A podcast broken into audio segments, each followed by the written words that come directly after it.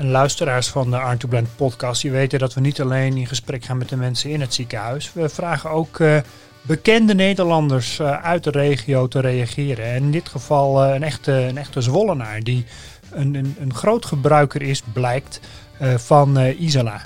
We spraken kort met, met Erben Wennemars.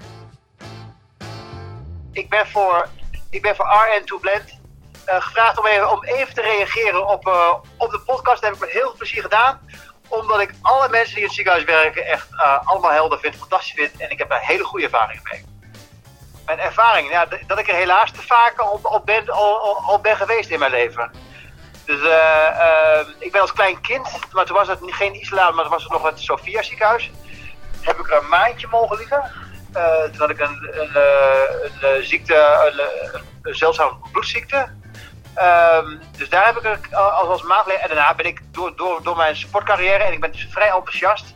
En ik hou van buiten zijn en ik ben een beetje druistig. Ben ik met allerlei ongelukjes toch wel weer regelmatig geweest. En mijn laatste bezoekje is eigenlijk nog, nog maar een week of vijf geleden. Toen was ik iets te enthousiast op de mountainbike. En toen uh, ben ik over de kop gevlogen en toen heb ik mijn sleutelbeen gebroken. Dus toen kwam ik eh, in het ziekenhuis langs en daar ben ik, ook nog, ben ik zelf nog, ook nog voor geopereerd. Dus ik ben afgelopen vrijdag ben ik nog uh, voor, voor het laatste in het ziekenhuis geweest. Als, voor, voor, voor, een controle. Nou, ik vind eigenlijk... Um, kijk, je moet er natuurlijk niet, niet, niet te vaak komen, maar ik vind het wel een fijn ziekenhuis.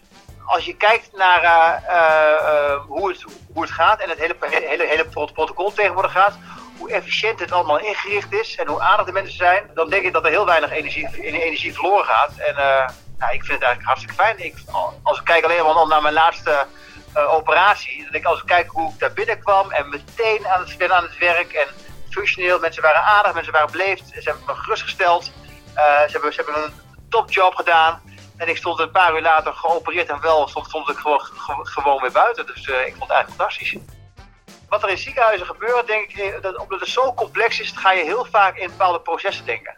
Maar ik denk dat het ongelooflijk belangrijk is dat je ervan uitgaat, uh, zeker weet dat het nooit af is. Want als je denkt van nu heb ik het, nu weet ik hoe het werkt, uh, dan, zul je, dan, dan, zul je zien dat, dan gaan er fouten. Dus ik denk dat die zoektocht uh, essentieel is.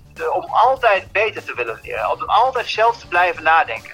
Om hoe goed alle apparatuur ook is, hoe goed ook alle processen zijn. Dat je altijd een soort van eigenaarschap houdt bij, bij, bij, de, mensen, die daar werken zelf blijven nadenken. En uh, dat heb ik ook gedaan in topsport.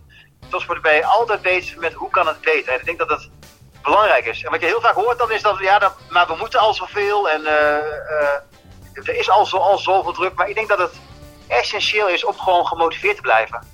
Als je namelijk die zoektocht eruit haalt, als je niet meer gretig of hongerig bent om te kijken of je echt mensen wil helpen en mensen beter wil maken, ja, dan, dan ga je een klein beetje dood. Dan gaat het hart en de ziel eruit. Uh, en dat, dat, dat, dat, dat gun ik eigenlijk niemand. Dus ik, ik gun iedereen die energie. Ja.